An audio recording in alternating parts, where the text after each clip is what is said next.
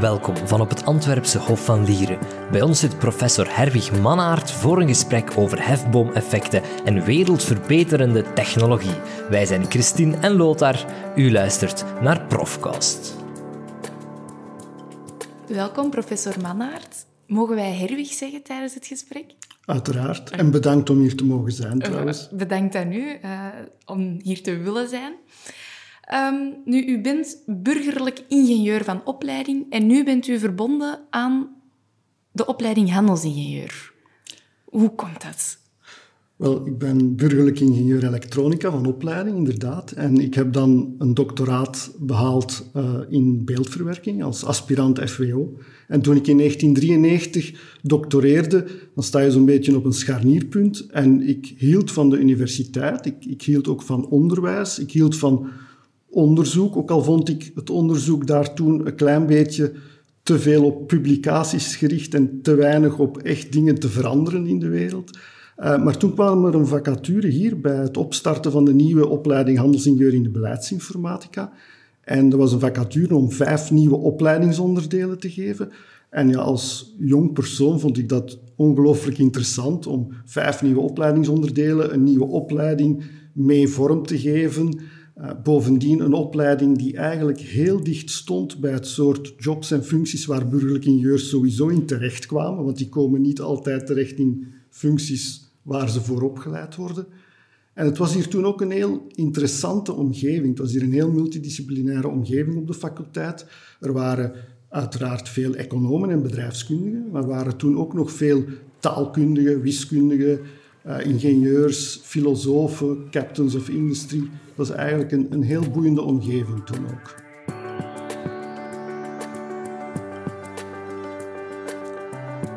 Herwig vertelt ons waar zijn passie voor innovatie vandaan komt. Ja, ik denk de meeste mensen willen toch iets zinvol doen. Hè? Je moet uiteraard werken, maar je wil ook iets zinvol doen. En iets zinvol is ook een beetje bijdragen aan een betere wereld, vind ik. En wat dat nu juist is, wel, dat hangt een beetje van je persoon en van je competenties af. Ik, ik denk niet dat ik in de wieg gelegd ben om een nieuwe moeder Teresa te worden, ook al heb ik een zeker engagement. Ik heb catechist geweest, ik ben jeugdcoach. Maar ik denk dat ik toch vooral kan bijdragen aan een ietsje betere wereld door innovatie en, en technologie. En, en voor mij, technologie heeft eigenlijk, ik weet ook dat technologie vaak verkeerd gebruikt wordt, maar heeft eigenlijk tot doel om de wereld beter te maken door hefboomeffecten te creëren. In plaats van dat iemand met een schop moet graven, als je een graafmachine hebt, gaat dat veel beter. Uh, je kan machines maken om veel efficiënter en productiever voedsel te planten, voedsel te oogsten. Uh, je kan energieinstallaties maken zodanig dat je veel beter mensen, woningen, ziekenhuizen kan verwarmen, kan verlichten. Je kan zorgen dat je de CO2 uh, absorbeert uit de atmosfeer dat je de verwoestijning tegengaat. Dus technologie voor mij is iets dat de wereld wil beter maken door hefboomeffecten. En innovatie wil dat eigenlijk ook. Maar innovatie is ook iets als je. Het hoeft geen technologie te zijn. Als je een betere vorm van een medische behandeling vindt, ja, dan kan die heel erg veel toegepast worden. Dat is ook een hefboomeffect. Als je een betere manier vindt om organisaties te structureren, kan die ook veel toegepast worden. Dat is ook een hefboomeffect. En dus als je innovatie met technologie kan combineren, dan kan je eigenlijk een kwadratisch hefboomeffect krijgen. Dan kan je een hefboomeffect van hefboomeffecten. En dus kan je iets bijdragen aan de wereld, denk ik dan. Voor Herwig Mannaert staat academisch onderzoek dicht bij innovatie. Voor mij is onderzoek pogen de grenzen van het menselijk kennen en kunnen te verleggen. Te zorgen dat de mens meer kan en kent en kan dan tevoren. Te zorgen dat je eigenlijk dus ook onrechtstreeks hefboomeffecten kan hebben voor meer welvaart, meer welzijn. Maar natuurlijk, dan moet je die ook realiseren. Als je dan dingen bedenkt waarmee je hefboomeffecten kan realiseren, zoals een betere medische behandeling, een betere manier om software te maken, een betere manier om voedsel te produceren, een betere manier om energie op te wekken, ja, dan komt dat die bijdrage tot de maatschappij, die komt maar als die wordt toegepast en als die grootschalig wordt toegepast. Anders kan je dat wel bedenken, maar zal dat zijn effect niet hebben. En daarom is het heel belangrijk dat je dus wel degelijk onderzoek doet, echt om het menselijk kennen en kunnen te verleggen, maar dat dan ook toepast. En ook ja, zich laat realiseren en materialiseren, of je gaat die opbrengsten niet hebben. En dat doet u zelf ook? Ja, dat doe ik zelf ook. uh, omdat ik vind dat dat belangrijk is, vind ik dat je moet inzetten als je dingen bedacht hebt waarvan je denkt dat het hefboomeffecten kan realiseren, dan moet je je inzetten dat die hefboomeffecten ook gerealiseerd worden. Dat betekent niet noodzakelijk dat je een eigen bedrijf moet beginnen. Dat is één mogelijkheid. Maar je moet je wel inzetten dat die hefboomeffecten gerealiseerd worden, want anders ga je er een aantal papers over schrijven en dan gaan die papers vervagen later en dan gaat die vergeten worden en dan gaan de dingen die je bedacht hebt om hefboomeffecten te realiseren, die gaan nooit materialiseren. En dat is wel de weg die u gekozen hebt ook, hè, om een eigen bedrijf te, te starten? Dat is de weg die wij gekozen hebben en die niet onze eerste voorkeur had. Toen we met Normalized Systems theorie uh, gekomen zijn en konden aantonen dat je daar echt wel betere software mee kan maken, zijn we in eerste instantie, collega en ik, naar heel veel bedrijven gegaan van kijk, zo zou je het moeten doen. Hè. Zo zou je codegeneratoren kunnen maken. Maar bedrijven en vooral grote organisaties zijn helemaal niet zo verlekkerd op echte innovatie. Die willen graag doen wat ze altijd doen met een paar incrementele verbeteringen en die willen niet te veel veranderen. En de mensen van, bijvoorbeeld, ben eens op studieuitstap meegeweest naar, naar Cambridge, van Cambridge Tech Transfer, die zeggen, hoe beter en hoe vernieuwender de innovatie, hoe minder bestaande bedrijven geneigd zijn om ze te adopteren en ze in de realiteit om te zetten. En dus zijn we dan vaak verplicht om nieuwe bedrijven op te richten. En dat was bij ons ook zo. Dat was eigenlijk niet de eerste keuze. Het is niet per se dat je die weg wil gaan. Die is ook niet strikt nodig, die is niet gemakkelijk en die geeft ook een aantal extra bekommernissen die je niet per se wenst in je leven.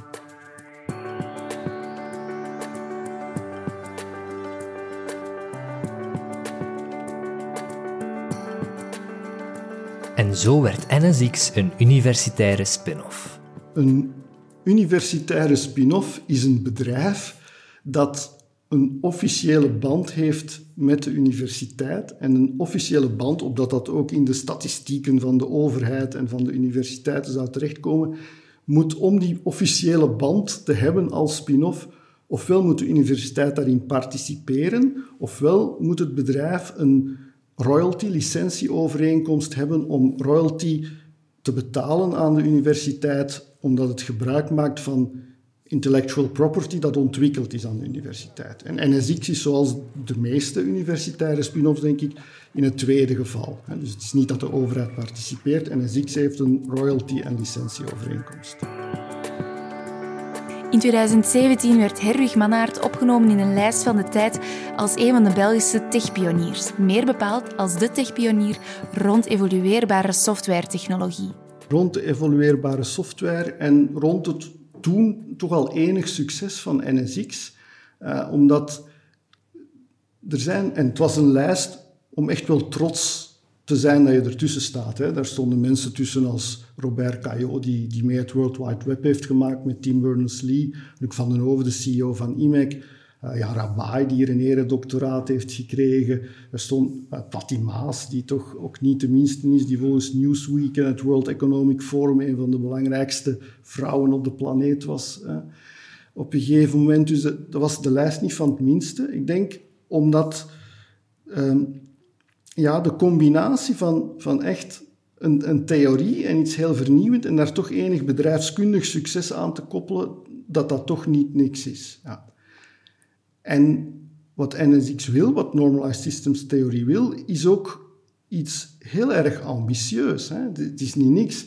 Het gaat er eigenlijk om dat software, misschien de belangrijkste industrie van de planeet stilaan, misschien niet de belangrijkste, toch een belangrijke, daar zijn problemen mee. Hè. Er zijn grote problemen mee. Software wordt vaak complex, is moeilijk aan te passen. Na een tijd moet men die opnieuw gaan maken.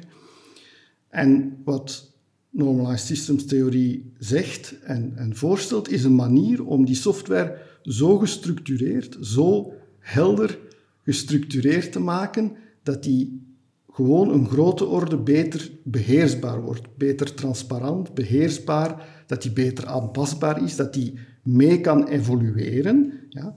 Dat je dus gemakkelijk kunt extra functionaliteit toevoegen, maar ook gemakkelijk onderliggende technologieën als databanken, besturingssystemen, mobile devices, security technologieën kunt aanpassen, toevoegen, bij incorporeren, zonder dat je die opnieuw moet maken en zonder dat je heel veel andere dingen breekt. Het is als het ware software die niet meer veroudert, hè, die, die eeuwig regenereert en jong blijft. Dus, en als dat in enige mate dan lijkt begint te lukken en in de praktijk begint door te brengen, dan is dat niet onbelangrijk eigenlijk. Nee. Wat jullie eigenlijk doen, jullie, hebben een, jullie bieden een antwoord op een heel groot probleem, namelijk dat veel uh, software snel veroudert. Uh, iedereen die ik ken, die verstand heeft daarvan en die mee is in het verhaal, vindt het fantastisch. En toch, als ik dat mag zeggen, is het nog niet doorgebroken in de bedrijfswereld of het wordt, het wordt nog niet overal toegepast, toch?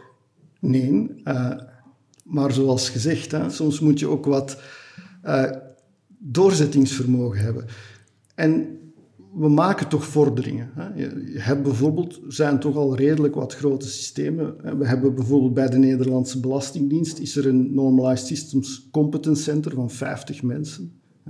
We hebben stilaan, ja, we hebben de eerste projecten bij Rijkswaterstaat, bij Fluvius, bij Randstad nu, bij wat grote organisaties. Uh, maar zoals gezegd, het is moeilijk door te dringen in grote organisaties. Maar waar we al staan, is toch ook niet niks. Je moet ook de structuur van een softwarebedrijf op poten krijgen, hoe de theorie ook is. Je moet aangepaste build servers hebben, build pipelines, je moet een R&D hebben, die moet gefinancierd kunnen worden, je, je moet dan projecten hebben in grote bedrijven enzovoorts. NSX doet zowel projecten, maar maakt ook de codegeneratoren zelf en stelt die ter beschikking dat is ook niet niks. Nu, in de Verenigde Staten zou men daar naar venture capital gaan, zou dat misschien allemaal sneller gaan. Dit is allemaal organisch gegroeid, het is zelf gefinancierd, daar zit geen euro vreemd kapitaal in, geen euro schuld. Dat is organisch gegroeid. Maar natuurlijk, voor wat het pretendeert te doen, wat het wil doen, is het eigenlijk nog veel te klein. En het is ook duidelijk onze ambitie dat het niet nog een beetje groter wordt, maar dat het vele malen of grote orde groter wordt. Wel, daarom niet als bedrijf, maar wel de adoptie van de theorie, de adoptie van de tools, de adoptie van de manier om duurzame software te maken. Niet noodzakelijk dat dat allemaal naar NSX moet vloeien. Hè. Het zou een enorme overwinning zijn als andere bedrijven dan ook zo zouden beginnen te werken. Dus er is nog werk aan de winkel.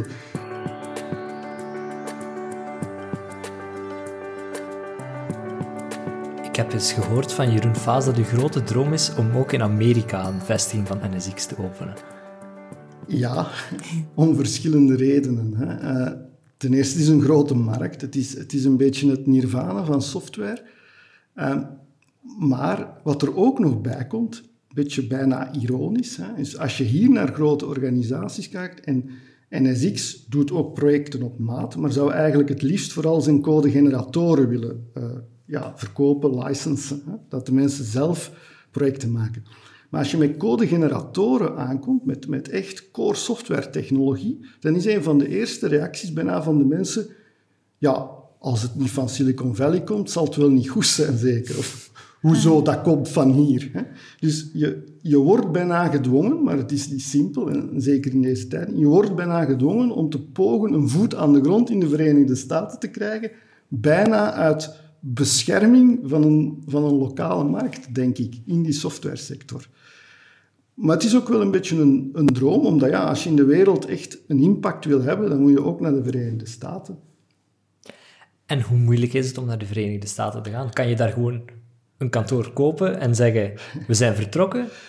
Wel, er zijn een aantal dingen die niet zo moeilijk zijn. Hè? Bijvoorbeeld, uh, in, in Cambridge aan MIT. Tegenover MIT is het Cambridge Innovation Center. En dan kan je heel goedkoop een kantoor huren enzovoort. En dan kan je daar doen. Hè. Je, je kan uh, advies vragen van de mensen van Flanders Export en Trade. En die zeggen nu ja, wij kunnen nu advocaten geven om daar een vennootschap op te richten. En je doet dat best in Delaware, want in Delaware zijn de kosten het laagst. En dat is wat je moet doen enzovoort. Dus die stappen die zijn eigenlijk niet zo moeilijk. Natuurlijk, als je daar bent, ja, dan moet je daar ook wel klanten hebben. Hè? Dan moet je daar ook wel klanten hebben. Dan heb je daar een, een aanwezigheid nodig. Ja, van lokale mensen, maar dan moeten er toch ook mensen van hier regelmatig naar daar gaan. Dus op het moment dat je dat doet en springt, dan moet je ook wel een beetje springen. Hè. Je, je, kan niet zeggen, ik ga het al een heel klein beetje doen. En mensen van Vlaanders Export en Trade zeggen, oh, je kunt een kantoortje huren, dat is eerst een postbus en niemand gaat er eens elke zes maanden naartoe. Maar ja, zo gaat het eigenlijk niet. Hè. Dus het is toch niet zo evident, maar het blijft de ambitie. De tools worden ook voortdurend krachtiger. Uh, we hebben nu ook zo wat een informele samenwerking. Ik heb nu een onderzoekspaper geschreven met mensen van het Department of Defense, die ook met codegeneratie bezig waren. Dus we, proberen daar wel aan te werken. Maar het is toch niet zo simpel. Hè? Wanneer ga je springen? Wel, ik ga het mogelijk maken te springen. Ik ga daarom eh, zelf niet springen, maar het, het zou wel heel fijn zijn uh, als we daar een, een, aanwezigheid zouden kunnen realiseren. Ja. Uh, ik hoop nog altijd dat dat binnen dit en een paar jaar kan.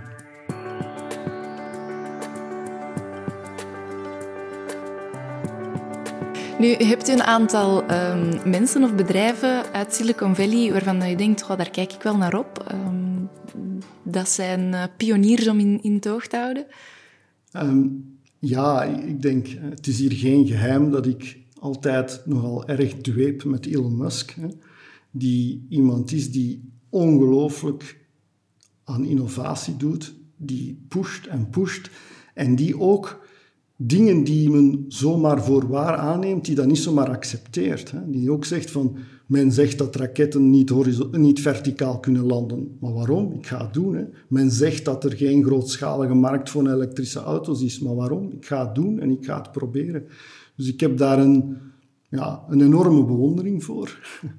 ik denk dat dat misschien wel hè, rond de bedrijven van Elon Musk op dit moment de plaats is waar het meest innovatie en vooruitgang gebeurt. Uh, er zijn in de Verenigde Staten nog zo'n aantal plaatsen geweest. Hè. De, de Xerox Labs in Palo Alto waren vroeger een plaats waar heel veel uh, vooruitgang en innovatie gelokaliseerd was. Uh, rond, rond Pasadena en Caltech en zo zijn er ook een aantal heel knappe dingen waar ik naar opkijk. Er zijn ook heel veel dingen waar ik persoonlijk dan minder naar opkijk. Hè. De, de Facebook en Twitters van deze wereld, ja, dat is allemaal wel fijn en dat mag en dat brengt veel geld op, maar dat is iets, ja, dat kan mij eigenlijk dan toch niet zo boeien. Uiteindelijk zijn dat wat, is dat een website met wat berichtjes en wat posts en, en dat is fijn. En als mensen daar heel veel waarde uithalen, is dat ook fijn. En als mensen dat graag gebruiken, is dat ook fijn. Maar dat is nu niets waar ik, uh, waar ik wild van word. Dat herinnerde mij aan een citaat dat Herwig Manhart projecteerde tijdens een van zijn lessen in het najaar van 2017. Ja, dat, is een quote van Jeff, uh, Jeff Hammerbacher, een Facebook-engineer. Die zei van, ja, the smartest people of my generation are trying to get people click ads. That sucks. Ja, ik, ik vind dat ook. Ik vind dat erg dat de meest briljante mensen waar eigenlijk de vooruitgang van moet komen, de innovatie, de wereld beter maken, dat die proberen anderen op advertenties te doen klikken. Uh, of er is een gelijkaardige quote dat ik vaak gebruik, is van, van Peter Thiel. Uh, en die zei, we wanted flying cars and we got 144 characters instead. Dat was toen dat Twitter nog 144 en geen 288 karakters was.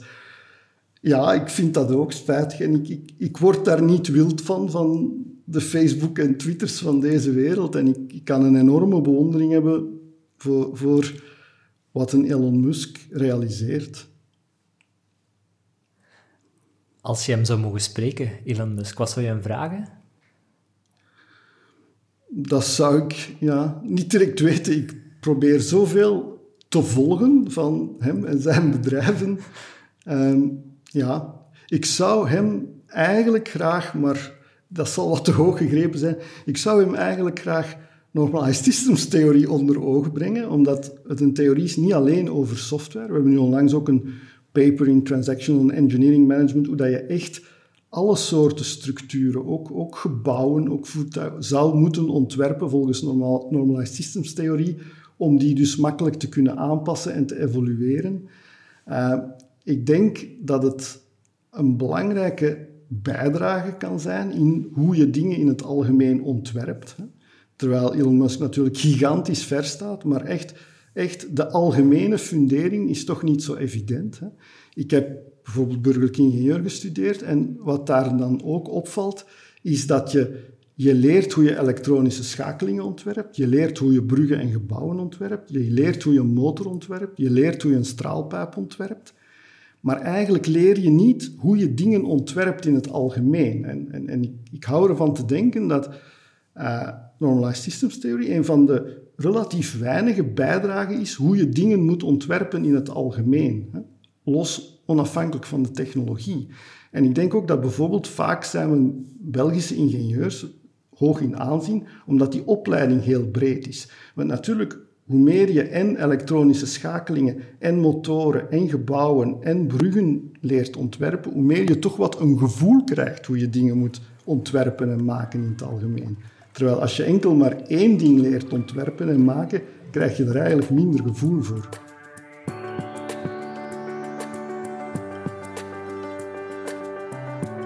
Nu, u hebt deze zomer een zeer interessant opiniestuk voor de KNAK geschreven um, over eigenlijk het toestaan van twijfel in debatten. Waarom vond u het nodig of belangrijk om, om hierover te schrijven? Wel, ik vond het nodig eigenlijk omdat we leven in, in rare tijden. Hè, en ik, ik, maak mij ook, zoals vele mensen, zorgen. En ik, ik stel vast dat ik mij bijvoorbeeld meer zorgen maak over de aanpak van de pandemie dan over de pandemie. Wat eigenlijk toch een, een raar gegeven is. Hè. En ik maak me daar bijvoorbeeld zorgen om als vader. Ik heb vier kinderen. En ik stel vast dat in de huidige aanpak en het beleid de jongeren en de jeugd nu toch niet de absolute hoogste prioriteit hebben. Het is een generatie die eigenlijk niets te vrezen heeft van de ziekte, maar die toch heel hun sociaal leven, heel hun ontwikkeling wordt op hold gezet.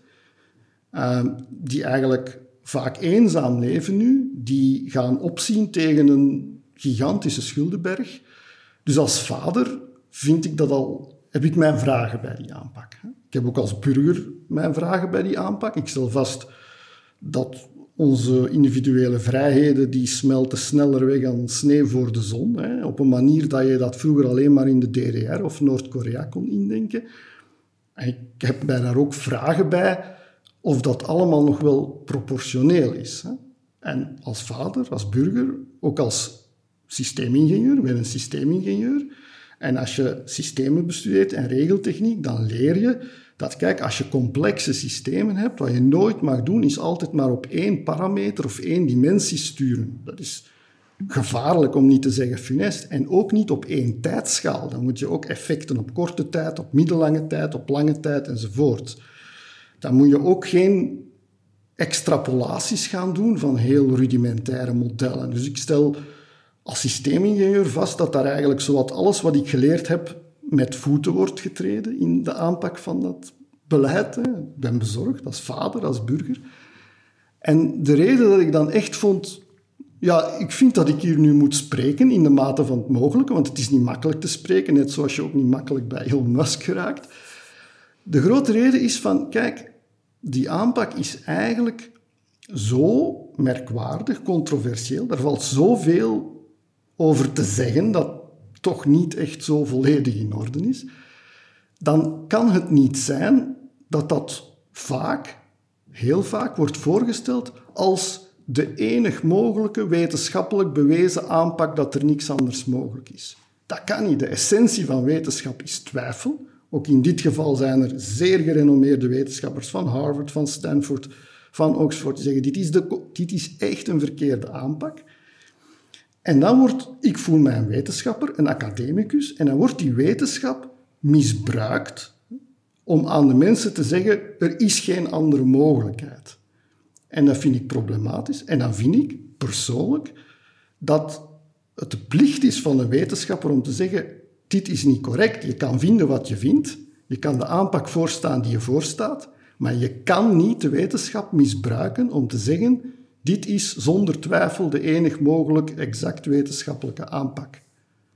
En dan vind ik persoonlijk dat wetenschappers en eigenlijk ook degenen die de wetenschap vertegenwoordigen in een maatschappij moeten zeggen dat dit niet zo is. Kan je vanuit je systeem denken een voorbeeld geven van een, een denkfout of een aanpakfout? Een concrete... Ja, kijk, je, er zijn er een heel aantal. Hè. Ten eerste, je, je gaat maatregelen nemen en die hebben een effect op het aantal besmettingen. Ja. Maar die hebben ook een effect op economische miserie die er gaat komen. Die hebben ook een effect op mensen die niet naar de dokter gaan, hè, omdat ze de drempel te hoog is. Die hebben ook een effect op mensen die ongelukkig worden. Die hebben ook een effect op mensen die depressief worden. Dus je kan niet gaan zeggen, dit is het effect van die maatregel.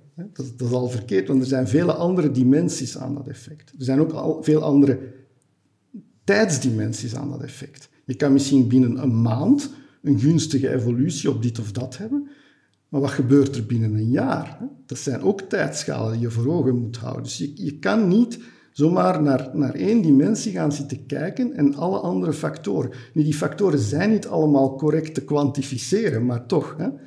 Je moet die tenminste meenemen en je moet tenminste dan ook beseffen dat je eigenlijk niet volledig dat weet.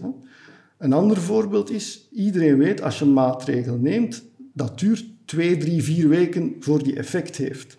Ja, als je dan elke twee dagen, zoals op een gegeven moment, een maatregel verandert, dan kan je totaal niet zien wat het effect is. Want je verandert om de twee dagen, maar het effect is drie weken. Dat heeft een totaal andere tijdsconstante. Dus er zijn daar heel veel dingen die ja, niet, niet oké zijn. Hè? En dan, dat zijn dan ook nog vaak mening, maar als je dan zegt, ja, er is geen twijfel mogelijk, dat kan echt niet, vind ik. En dan vind ik het een morele plicht van iedereen die met wetenschap en academie bezig is om te spreken. Want het zou wel eens kunnen, nog eens, er zijn meningen en ik ga er ook niet vanuit dat ik gelijk heb, maar het zou wel eens kunnen dat dit funest blijkt te zijn binnen een aantal jaren. En dan is het toch wel heel erg problematisch als mensen die dat vonden niet gesproken hebben. Dan wil ik niet mijn kinderen en kleinkinderen in de ogen kijken en zeggen: Ik was ervan overtuigd dat dit heel erg dom was en ik heb zelfs niets gezegd. Dit was Profcast met Herwig Mannaert. Bedankt voor het luisteren. Wil je meer horen? Surf dan naar uantwerpen.be-profcast.